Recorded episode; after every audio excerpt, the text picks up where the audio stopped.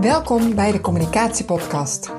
Mijn naam is Karine van den Noord en in deze serie interview ik zes experts over de toekomst van de communicatie.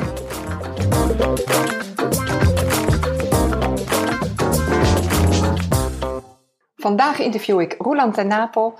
Roland is filosofisch practicus. Nou, alleen die, uh, die titel die triggert mij al, want er zit filosofie in, maar ook het praktische. Dat is eigenlijk precies wat jij doet. Jij zet mensen in beweging door ze te laten denken. Daar gaan we het uh, straks uh, in de podcast uitgebreid over hebben. Maar nu, voor de mensen die jou nog niet kennen, um, zou je je kort willen voorstellen? Ja, Roland ten Napel, 58. Achtergrond in uh, gastvrijheid, hospitality, hotels.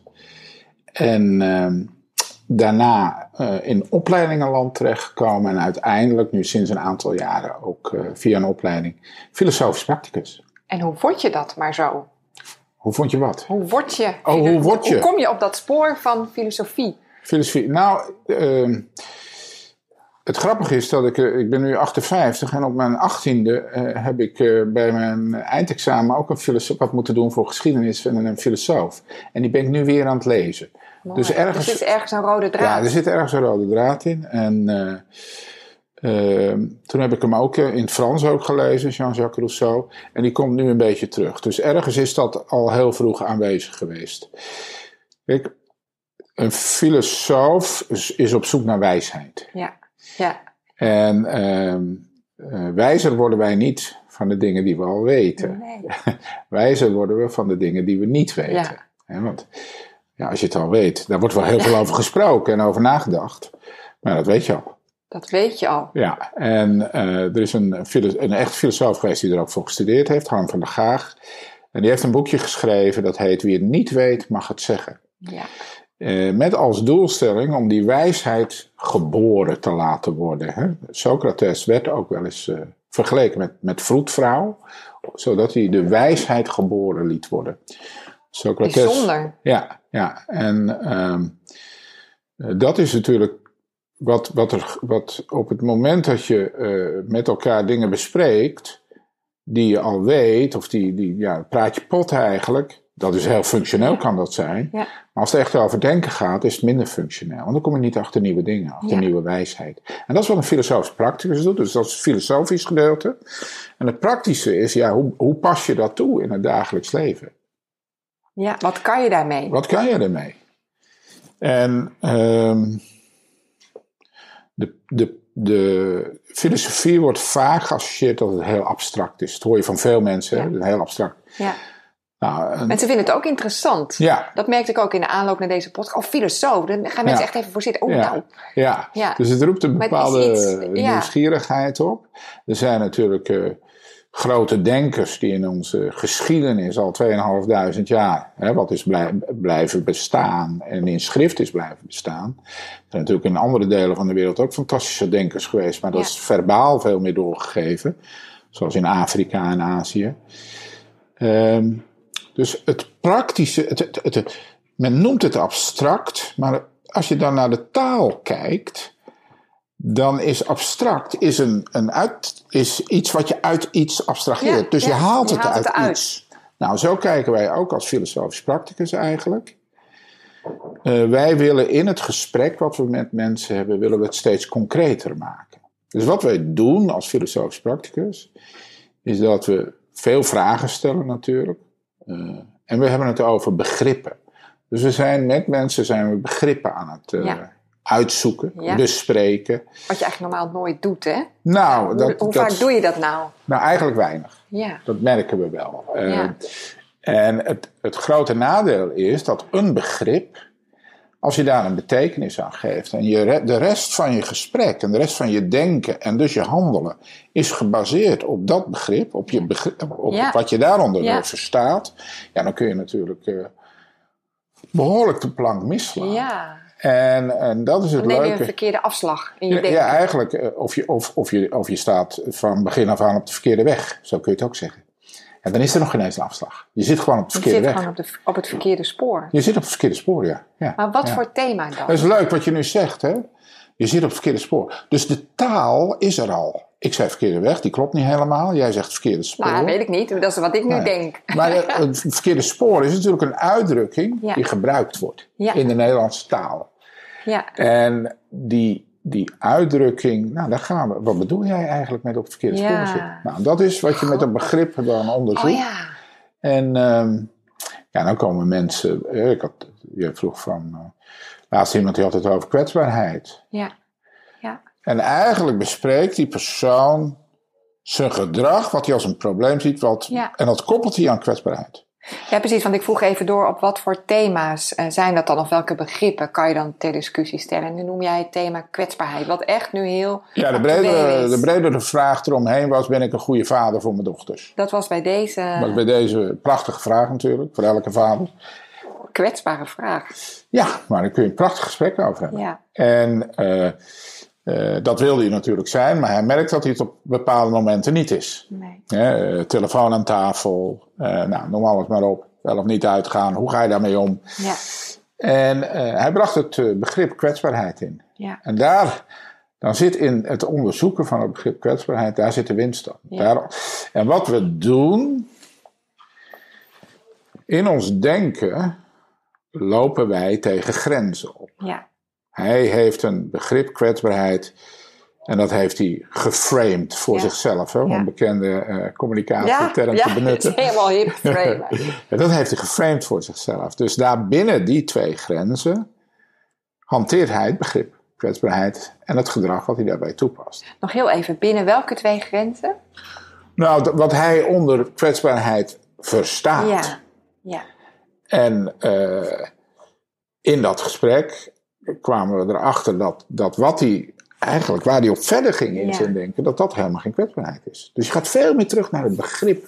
Wat Ja. is nou werkelijk kwetsbaarheid? Ja. Ja. Kwetsbaarheid in zo'n gesprek zou kunnen zijn dat je als vader eh, wel degelijk reflecteert op hoe je je kinderen opvoedt. Ja. Dat is natuurlijk een, maar dat is niet het, waar hij mee binnenkwam natuurlijk. Nee. Dus dat is mooi om zo'n gesprek te hebben dan met Ja. elkaar. En wat filosofisch practicus, eh, wat wij trachten, is dat je als je die grens, tegen die grenzen aanloopt van je denken, en niet verder komt, Ja. of in cirkeltjes gaat draaien, of gaat zitten piekeren, dan zoeken we de aporie-houding op. En, En dat is de houding van het niet weten. Dus je komt Ja. in een gebied. En dat zeggen mensen ook wel eens in een gesprek. Dan zeggen ja, dat weet ik niet. Nee. En dan, dan denken ze dat ze niet Dat verder kunnen. Ja, dat, het denk stopt. ik ook. Nou, Ja. nou is, nou is het Ja, nee, ik zou het echt Ik niet weet weten. niet. En dan Nou, begint het dus. dan, dan zijn wij waar we willen starten. en dan zeggen nou, dat is mooi, nou komen we ergens. Hè? Dus eh, wat weet je dan precies niet? En in heel veel gevallen zie je dat als iemand zegt, dat weet ik niet. Dan- Jij hebt gelijk de associatie, dan stopt het. Een ander heeft de associatie van, eh, nou, dan ga ik maar even wachten tot iemand anders mij de oplossing geeft. Oh ja. Nou, dat doen wij niet. Nee. Wij zijn niet van de antwoorden. Nee. Dat is bijvangst. Ja. Dus je doet wel wijsheid op, maar we zijn niet van. eh, en dat maakt het een grote onderscheid ook met een coach, die Ja. veel meer richting bepaalde doelstellingen werkt. Bij ons gaat het echt om denken. Ja. Het, het, het eh, ja, doen ons kritisch nadenken over je eigen denken. En wat, eh, ja, dat is denk ik een hele, eh, hele rationele of misschien wel platte vraag. Wat levert dat dan op? Dat je kritisch nadenkt. Wat brengt dat mensen in zo'n ges- of na zo'n gesprek? In het gesprek zelf. Dus dat je erachter komt dat hè, men zegt in het begin van het gesprek wat en ietsje later zegt men dat. En dan blijkt dat niet. Ja, dat, dat is eigenlijk. Er zit een discrepantie in, er zit Ja. een tegenstelling in. Ja. Dus het levert veel inzicht op. Ja. Van hoe denk ik? Ja. Ehm, het levert eh, ruimte op in je denken. Dus Ja. je, je, je staat veel Gaat langer nieuw stil. luikjes open. Ja, er gaan absoluut luikjes. Ja. Ja. Ja, Je kunt eigenlijk veel verder komen dan je dacht. Nou, en aan zich is dat, hè, wat, eh, waar je vooruit moet kijken, want nu ga jij alweer luikjes Ja, ja, ja, ik openen. wil- en, eh, ik wil opbrengst. Verder. Ja, jij wil opbrengst. Nou, dat is hè. Graag resultaten. Ja, ja, graag resultaat. En, en eh, daar houden wij ons als filosofisch practici niet zo mee bezig. Nee. Dat is wel het effect natuurlijk. Ja. Dat er vrije ruimte ontstaat. Ja. En wij, wij, wij we kijken een beetje naar het denken als iets wat op zichzelf staat. Dus het denken is gebaat bij, vrije, bij die vrijheid en bij die vrije ruimte.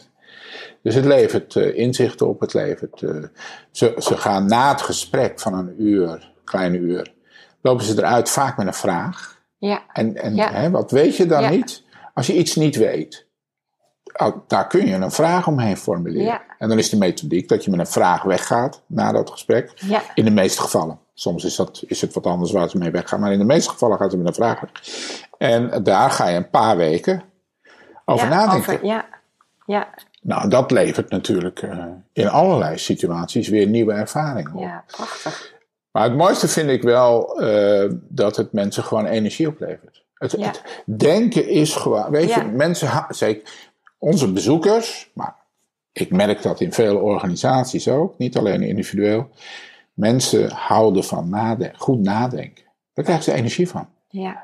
En dus nieuwe ideeën, creativiteit. Dus ja, er zitten voor Mooi. mij eh, veel, eh, veel, eh, veel. dingen aan die mij aanspreken. Mooi. Ja. En ehm, als we nu gaan naar het thema van de podcast, communicatiepodcast. Ik heb jou heel bewust gevraagd als gast, omdat ik echt benieuwd ben. Hoe denk jij nu over ehm, hoe wij nu met elkaar communiceren? En ik bedoel niet nu in dit gesprek, want, maar ehm, hoe we online bezig zijn, hoe we eh, met alles en iedereen in contact staan via de social media, via WhatsApp. Ehm, hoe kijk jij daarnaar vanuit jouw vak? Ja, vanuit professie filosofisch practicus. Hè? Ja.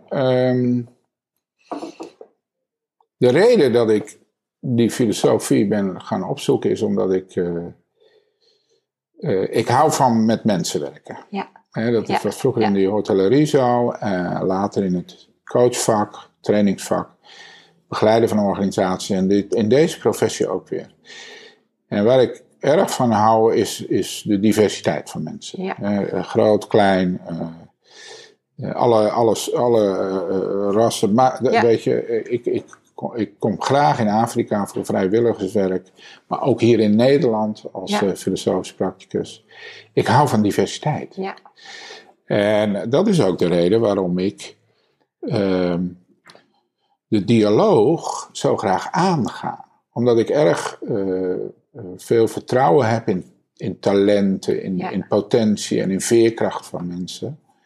En dat vind ik het mooiste, omdat ja, eh, dat dat zichtbaar kan worden, tot stand kan komen. ja. Dus de dialoog. Ja, het gaat echt om de dialoog. Daar heb ik altijd erg van gehouden, Ja. of, waar ik ook was op de wereld. Ja, ja. En ehm, En die stimuleerde je waarschijnlijk ook. Ja, nou ja, en eh, eh, mensen zijn zeer bereid om daar zelf ook Ja, zich in te tonen. ja hè? En dat, is, dat is natuurlijk ontzettend leuk als je die wederkerigheid met elkaar krijgt. Ja. Dus dat is, hè, jouw vraag gaat erover, als ik nu naar die 24-7-economie kijk Ja. en de wijze van communiceren, dan merk ik dat, dat eh, ik, ik, ik ben meer een volger dan een, dan een zender hè, op, op, alle so- social media op social media. Ja, ja. Ehm, en dan, dan kijk ik ook, dat vind ik wel leuk van dat volgen. Dus je ziet bepaalde eh, dingen die verdwijnen alweer. Hè, zijn opgekomen, die Ja, verdwijnen ja, ja, ja. alweer. Dat is natuurlijk zeer actueel allemaal. En, eh, Er zijn ook heel veel hypes natuurlijk. ja, het zijn allemaal hypes, het zijn veel hypes. En eh, nou, dat mechanisme heb ik nog niet helemaal doorgrond van hoe dat nou functioneert, dat, dat, zo'n hype. Maar wat ik wel, wat je ziet met social media, is dat, dat, we, dat, het, dat er veel, ver- ah, je moet aan bepaalde verwachtingen voldoen. Je moet eraan meedoen. Ja, En eh, is dat nou vrijheid of is dat een gevangenis van, Ja. de, gevangene van de communicatie? Dus ik, ik vind als filosofisch practicus, vind ik wel dat, dat ik me de vraag stel, eerst voordat ik ergens aan meedoe, ja, wat houdt dat in? Wil ik dat wel? ja, En ik denk dat we, eh, dat gebeurt individueel natuurlijk. Maar dat zie je ook in organisaties veel, dat, dat er een soort automatisch denken ja, tot stand gekomen Ja. is. Hè. In, in organisaties, als er iets niet goed gaat, hup, gelijk in die, in die actiestand een nieuwe procedure, een nieuwe maatregel. Nou, dat, dat automatische denken, ook door die versnelling die we ja, met elkaar zijn. Hè? Ja, denk het wel, denk het wel. Maar ook gewoon gewenning. Hè. Ja. Hè, jij zegt er net, ik wil resultaat. Nou, ja, interessant. Ja, zo ben je bijna afgericht. Hè? Het, moet, het moet iets opleveren. Ja. Ja, leg mij eens uit waarom dan. Hè? Ja. Want het, inter- het, het interessante is denk ik wel op het moment dat je dat, je, dat denken wat oplevert. Want het denken gaat door. Je, Ja. je gaat altijd door met denken. Eh, dat het een resultaat oplevert. Terwijl als je het veel meer over die automatische piloten hebt, op, op die manier denken, is het maar de vraag of dat echt iets functioneels oplevert. Ja, Het is alsof wij deze kamer waar we nu in zitten, nou, zullen we die eens opnieuw gaan inrichten? Eh, eh, maar het is een goed idee als we hem blauw maken. ja, je vult het in. Je vult het in. En dat is ook wat je ziet. Hè. Er zijn natuurlijk ongelooflijk veel mensen die prima kunnen, vragen kunnen stellen, gesprekstechnieken enzovoorts. Maar die gesprekstechnieken die komen vaak voort, en ook bij coaches is dat natuurlijk het grote Ja, gevaar. communicatieadviseurs ook. communicatie, die komen voort uit je eigen denken. En uit je eigen ervaring en referentiekader. En een filosofisch practicus eh, helpt de ander om dat, dat eigen denken te Even stimuleren. te wissen. Ergens. Oh ja, het is ja, wissen, wissen kan natuurlijk je, je, niet. je eigen, eh, dus hoe je vragen stelt, dat zo blanco mogelijk te doen. Nou, niet blanco, want, want eh, de kennis en de ervaring en de, de, de, de overtuigingen zijn er natuurlijk. Het is een soort onderhoudsbeurt waarbij je eh, open staat om met de filosofisch practicus kritisch na te denken. Ja. En je eigen denken te onderzoeken. En eh, nou, dat, dat, dat is wat wij, wat wij doen. Ja. Ja. Ja. En even terug naar de communicatie, want daarvan zeg je, zoals we het nu doen, eh, maar dat is breder dan alleen communicatie, dat is de manier waarop we werken en eh, resultaat willen boeken. Daar zit een Mhm. zekere automatisme, jij noemt de automatische piloot, er zit Ja. een zeker automatisme in. Ja. Ja. Ehm, in de zin van dat je dus, als er een probleem is, al ongeveer weet hoe je het gaat oplossen. Want dat doe je altijd zo, of zo. Of dat, dat doen we met elkaar zo. Ja, dat doe je in het individuele gesprek als filosofisch practicus. Dat doe ik ook binnen organisaties als gids. Of, of als, Ja, precies. Jij, jij vertaalt het nu even naar jouw praktijk, van hoe Ja. je daar dan mee omgaat. Ja, nou ja, ik had laatst een, een, eh, 16 mensen. Eh, en dan vraag ik, eh, eh, wat is de situatie die jullie willen bespreken met elkaar? Hè? Dan moeten ze even een korte introductieoefening en dan komen ze met de situatie. En dat zijn eigenlijk tien kralen waar langs je loopt. Dus wat is de situatie? Hoe komt het dat het een situatie is geworden? Eh, wat gebeurt er? Wat zijn de mo- mogelijke consequenties als we er niets aan doen? En wat is dan de echte vraag? Dan heb je vier kralen te Ja. pakken. En dan ga je naar welke, welke angst zit erin, welke moed is er nodig en welke wijsheid levert dat op. En dan heb je nog drie kralen. Wat is het grote en het kleine wat we kunnen doen? En wat is dan de idee? Dat is een beetje de Dus de Plato-leer. methodiek ja, de die je methodiek. toepast. Ja, dat is de methodiek die je toepast. En wat je dan merkt op het moment dat mensen met elkaar in gesprek gaan, dat ze van 1 naar 10 gaan, direct. Dus ze Ja. hebben, hebben een situatie en ze hebben gelijk een oplossing. Ja. En eh, weet je, eh, niet, niet alle onderwerpen hoef je te filosoferen. Ja. Niet alle onderwerpen hoef je te filosoferen. Dat gaat ook niet, dat moet je Nee. niet willen. Dat, maar eh, het, het is natuurlijk, je laat wel heel veel van je kennis en je wijsheid en je inzicht en je ervaringen liggen. op Ja. het moment dat je gewoon negen kralen overslaat. ja. Maar dat, heeft, dat is volgens mij ook die versnelling die we met elkaar Ja, hebben. totaal. Eh, totaal. We zijn eigenlijk een soort van gehaast. Ja, en dat gaat ten koste van, van goed denken. Nee, je ziet het met media en politiek en maatschappelijk, journalistiek. Dus en er zijn op die 24-7 natuurlijk allerlei tegenreacties. Ja, hè? Dat, is die, dat is de andere kant die je naar ziet. onderzoeksjournalistiek die op een andere manier wordt aangeboden. Eh, in organisaties is veel interesse in het goede gesprek. Ja. Eh, waar doen we het eigenlijk voor? Wij zijn ook door de ICT, we zijn financieel operationeel goed georganiseerd. Maar, eh, en, of en moet ik zeggen, eh, doen we het nog vanuit onze drijfveren. Ja. Dat zie je in de zorg, zie je in Ja. allerlei branches, zie je dat die vraagstukken naar voren komen. En ik denk dat filosofie en goed denken daar een toegevoegde waarde Ja. heeft. Dat is wel mijn ervaring.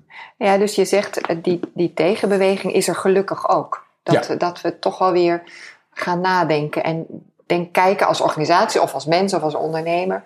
hoe zit ik er nou eigenlijk in? En eh, ben ik op de goede weg? En hoe... Ja, en dat, dat kan te maken hebben met, met een thema wat speelt in een organisatie. Nou, dan, dan is een Socratisch gesprek van uh, toegevoegde waarde. Ja. Waarbij je echt met elkaar gaat opdenken. Waar ga, en uiteindelijk zeg, waar gaat dit gesprek nou eigenlijk over binnen de organisatie? Ja. En dat, ook dat leidt niet direct tot een antwoord, maar het leidt wel tot inzichten en bewustzijn. Ja. En heel belangrijk om dat met elkaar te delen. Ja. En dat is denk ik wat, wat het vak van filosofisch practicus, waarbij wij vooral individueel werken, maar wat filosofie op dit moment, het is natuurlijk een heropleving van... Van, van de filosofie ook, ja, hè? vind ik wel, ja. Ja, ja mooi. Ja. En waar je voor moet uitkijken, en dat vinden wij wel belangrijk, is dat het niet weer een marketingtool wordt. Hè? Dus we doen Wat een bedoel markt... je daarmee? Nou, dat er, dat er een markt is en, uh, en uh, iedereen biedt wat aan. En dan kun je.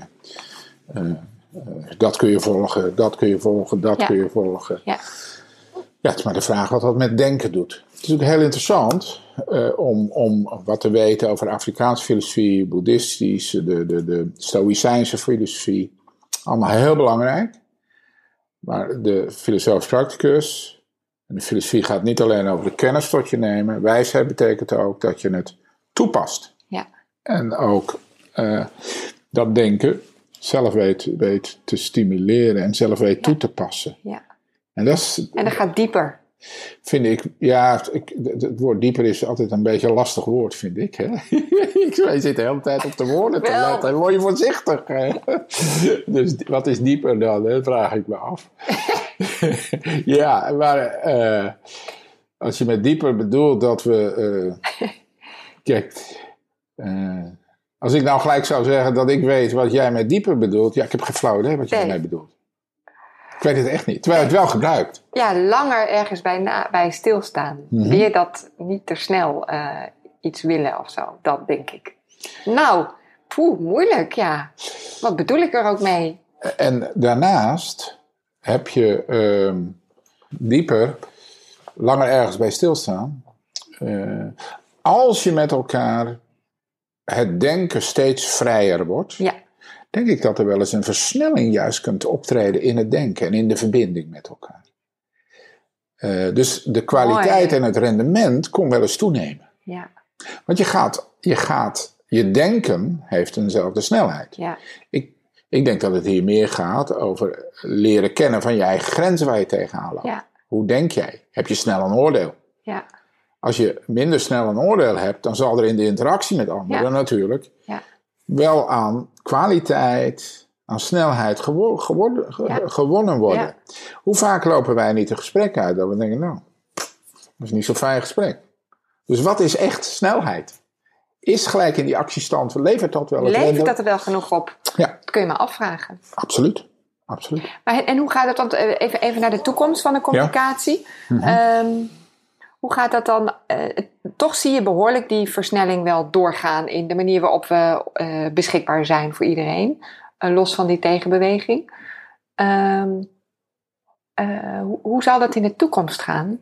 En wat, ehm, ja, denk je dat we weer, weer teruggaan naar ook een stukje verstilling en rust en meer nadenken? Wat, wat verwacht je dat er gaat gebeuren? Ik denk dat die twee naast elkaar komen te staan. Naast elkaar. Ja, ja, het een. En eh, dat is wat ik zie op dit Ja. moment. Hè. Ja. En, en welke vormen dat. eh, je ziet, hè, mindfulness en, en alle vormen. Eigenlijk willen we daar ook die rust en die, die ruimte mee creëren. Ja. En de filosofisch practicus gaat natuurlijk over die vrije denkruimte. Ja, ja, Dus, dus het is, dat is, het, dat is, een, dat is een, een deelgebied.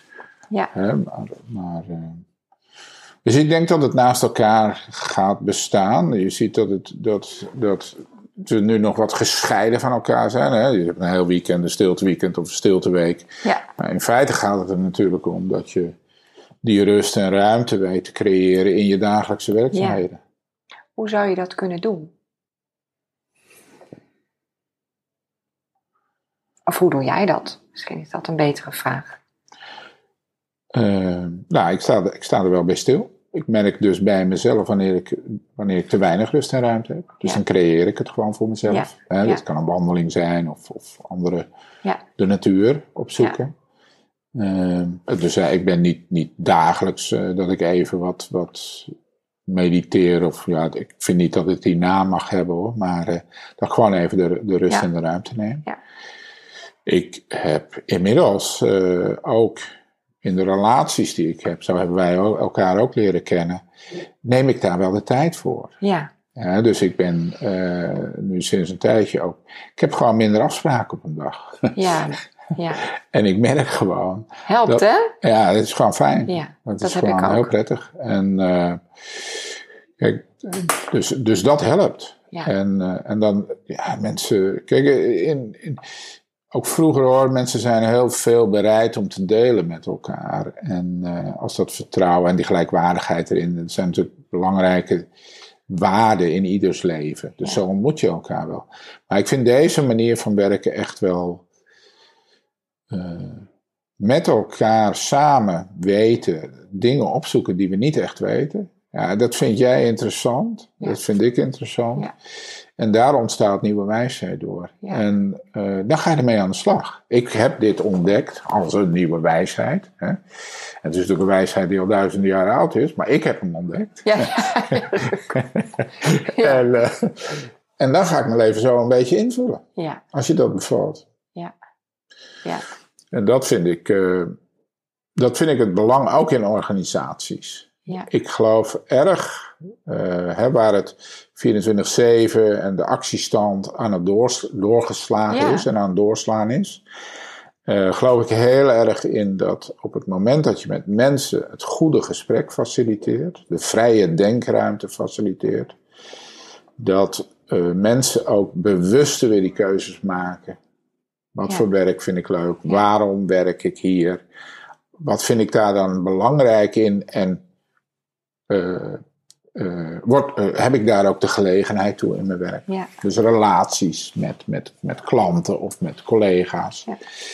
Eh, als we die ruimte weten te creëren, denk ik dat, dat, ja, dat we naast uitstekende productie en efficiëntie, maar deze is net zo belangrijk. Net zo belangrijk. Ja, daar richt ik op belangrijker. Maar goed, als de ene heel belang- belangrijker is, dan zal de andere aan belangrijkheid winnen. En vice versa. Dus het blijft een beweging, een, een be- schommelbeweging van beide dingen. Ja. Eh, Is dat altijd zo? Met dingen? ja, voor mij wel, ja. Voor Ja. mij wel. Ja, denk ik wel, ja. Dat het altijd zo is geweest. Op het moment, op het moment dat... ehm, een, een, deel, een, één deel van de polariteit van de tegenpool eh, aan kracht wint, eh, of heel sterk, zich heel sterk manifesteert, dan wint de andere aan kracht. En dat is continu een, een beweging. Ja, zo, we, we zijn- in de herfst beland, hè. Dus eh, het is natuurlijk heerlijk. We gaan dadelijk de winter in. Dan gaan we een beetje in de winterslaap. Een beetje uitrusten. En op een gegeven moment is het... En in de lente gaan we weer, hè? Ja, daar gaan we weer. Ik heb dat wel eens... Het dus- zijn de seizoenen het eigenlijk. zijn seizoenen, het zijn cyclussen. Zie je natuurlijk in allerlei eh, toestanden terugkomen. Dus het zou best ook nog kunnen zijn dat in de toekomst juist die hele beweging van het rust, ruimte en eh, meer nadenken, dat dat misschien wel weer meer de overhand gaat nemen. Als je vanuit dit denken uitgaat. Ja, ja, en of het nou... Als het, het is in ieder geval aan het ontstaan, Ja. dat zie ik. Ja, En dat heeft ook te maken met het rendement. Hè? We hebben het daar eh, wel eens eerder over gehad. ja. Ehm, Het rendement van communiceren. communiceren. Van communicatie. Hè? Ja. Er zijn allerlei plannen eh, die ge- uitgewerkt worden, of nou communicatieplan is of wat dan ook. Maar ook, ook dat wat in je plan staat, of dat allemaal bereikt wordt, dat bepaalt het rendement van Ja. al die plannen. Ja, ja, ja. Terwijl ik denk dat het goede gesprek wel degelijk kan bijdragen aan het rendement. Want mensen worden gek van al die plannen Ja. en toestanden. Je wordt er wat stapeldol van. En ik werk in mijn eentje, dus ik denk, nou, het zal wel. ja. Ik laat even rustig aan me voorbij gaan. Maar dit, weet je, je zult er maar elke, elke dag en elke week mee te maken Plan is hebben. haast overgewaardeerd, hè? Vind ik wel, ja. Ja. Ik geloof heel erg in de wijsheid en in de motivatie van mensen. En, eh, Daar heb je geen plan voor nodig. eh, nou, er komt wel iets uit wat je gaat plannen. Ja. Oh, zullen we het zo en zo gaan doen? Ja, maar in die volgorde. Ik vind, ja, dat denk ik wel. Dat, Ja, hè, dat- dat ben ik met je en, eens. en op Cuba werkte ik en toen werd ik de eerste vergaderingen. Ik werd daar elke week zat ik bij een deel van de Communistische Partij als manager van dat hotel. Oké. Ja, wat enig. Op Cuba, ja, natuurlijk. Ja, en, eh, eh, en toen zaten we daar met zes mensen eh, uit één organisatie. En ik was van Nederland gewend dat alleen ik naar zo'n bespreking ging. Ik denk, goh. Wat doet iedereen hier? Ja, nou de reden daarvoor was, in die jaren was er geen of heel weinig papier. Dus we konden niks kopiëren. Dus dan, dan ben je dus meer gericht op verbale communicatie. Ja. En later kwam ik erachter, omdat we met z'n zessen waren uit die organisatie, bleek dat die communicatie veel sneller in het hele bedrijf rondging. Ja. En dat vond ik wel... Dat vond slim, hè? Ja, ik denk, eh, geweldig toch? En, uh, en ook omdat iedereen ge gewoon gehoord werd. Ja. En, en naar ze geluisterd en een inbreng kon hebben. Ja. Ja. Ja, dat vind ik wel. Uh, ja, dat mooi. is mooi. Geweldig. Ja. Hm. Roland, bedankt voor dit gesprek. En uh, jij uh, zinspeelde op uh, die kralen-sessie, Ja. die methodiek die je eigenlijk volgt. Volgens mij doe je dat in individuele gesprekken, maar ook in organisaties. Ja. Hè? Dus met Ja. teams ja. kan je dat doen. Als mensen daar nou meer over willen weten, hoe kunnen ze jou dan vinden? Kunnen Nou, ze jou vinden op LinkedIn? Of- LinkedIn kunnen ze me vinden, Roland de Napel. Eh, er is een, de, de, zijn, Jos Kessels heeft een paar prachtige boekjes geschreven, ook over het kralengesprek. Ja. Eh, er is een enorm leuk boekje, maar dat is veel meer gaat over filosoof practicus, gaat meer over het individuele werk, Ja. eh, van Harm van der Gaag. En de titel is Wie het niet weet, mag Ja. het zeggen. En dat vind ik wel mooi, ook in organisaties. Hè? In het individuele gesprek, wie het niet weet, mag het zeggen. Als jij iets niet weet, dan ontstaat er in bij de bezoeker en de filosoof practicus die ruimte van niet weten, die zoeken we juist op. Ja, Dus daar zijn we blij mee. ja, Eh, eh, in veel gevallen, als we iets niet weten, denken we dat we falen. compleet tegenovergesteld. Ja, ja. wij noemen dat. Dan moet je je mond houden als je het niet weet. ja, ja, nou, ja, nou, Toch? zo- Dat is, dat is. dus dat- ik denk nu aan een school bij, bijvoorbeeld. Hè. Terwijl Ja. wij noemen dat het succesvol falen. Op het moment dat je iets niet weet, dat is, dat is het waard om te onderzoeken. Want daar ontstaat nieuwe wijsheid. Ja. Die, dat in groepen en in organisaties maakt het nog een keer lastiger. Ja, Want dan heb je met groepsdynamiek te maken. En op het moment dat één persoon iets niet weet, dan weet de ander niet hoe snel die ja. iets wel weet. Ja. En dan wordt dat aan En dan elkaar wordt het- achter. gaat het weer. Nou, en dan zijn het vaak oplossingen die al bestaan of die- waar, waar men al van weet. Daar kun je je alles bij voorstellen. Ja, Dus dan word je niet wijzer als groep. nee. Nee, je, je bent jezelf aan het herhalen. Ja. Nou, en eh, dus juist in groepen he- helpt. Eh, in de individuele gesprekken hebben wij natuurlijk onze eigen eh, vakmanschap en, het, en, eh, en, en daarop letten. In groepen werk je iets meer met filosofische werkvormen, dat is bijvoorbeeld het kralengesprek. Ja, Zodat je een structuur hebt waar iedereen zich aan houdt. ja. En vragen stelt, Ja, het oordeel dus dat dwingt uitstelt. om. Dat dwingt om stap voor stap verder te komen. En dan zie je aan het einde van zo'n gesprek, bij kraal 10 zie je dat dat heel veel heeft opgeleverd. Terwijl als je die structuur en die werkvorm niet hanteert, dan wordt dat door elkaar gepraat en ontstaat er geen nieuwe wijsheid. Nee, want dan ga je het zelf invullen. Ja, ga je het heel snel invullen. Hè? Het zijn, zijn, zijn mensen die, nou, die om allerlei redenen heel veel willen delen. Ja, kan onzekerheid zijn, kan zijn ervaring die, niet, die te lang niet gebruikt is of benut is. Het oudere mensen die heel veel kennis hebben, maar de jonkjes die, weet je, allerlei redenen. ja, En juist het filosofische gesprek kan, er, eh, kan heel behulpzaam zijn om eh, met elkaar op te denken. Ja. En met elkaar tot- Opdenken vind ik ja, ook zo'n mooi ja, woord. woord. ja. fantastisch. En met elkaar eh, wijsheid ontwikkelen. Dus ik hou van beide. Ik heb altijd, zowel individueel als filosofisch practicus gewerkt en met groepen gewerkt. Als je individueel werkt, dan word je scherper op één persoon. Eh, maar die persoon functioneert heel vaak in een In een omgeving, groep, in een ja. groep. En als je met groepen werkt, kun je weer beter kijken wat gebeurt er nou met een individu in de groep. Dus het, het helpt elkaar te versterken. Dus ik hou van beide. Ja, ja. Er zijn ook filosofisch praktici die alleen individueel werken. Ja. Maar ik hou van beide. Ja. Nou, razend interessant. Eh, ik kan elke luisteraar adviseren, volg Roeland eh, op LinkedIn, Roeland ten Napel. Uh, Roeland, heel erg bedankt voor dit interview. Uh, ik ben weer aan het denken gezet. Ja. Dat is je weer gelukt. Dank je wel daarvoor. Uh, jullie luisteraars natuurlijk ook heel erg bedankt voor het luisteren. Laat, laat je reactie achter over dit interview. We zijn heel benieuwd wat je ervan vindt. Dus op het platform waar je nu luistert, laat even je reactie achter. Um, wil je meer weten over de communicatiepodcast, over mijn vak als communicatie-expert, dan kan je mij natuurlijk ook volgen. Ook vindbaar op LinkedIn en op Instagram onder mijn eigen naam, Carine van den Noord. En voor nu in ieder geval uh, nogmaals dank voor het luisteren. Tot de volgende podcast. Uh, tot de volgende keer.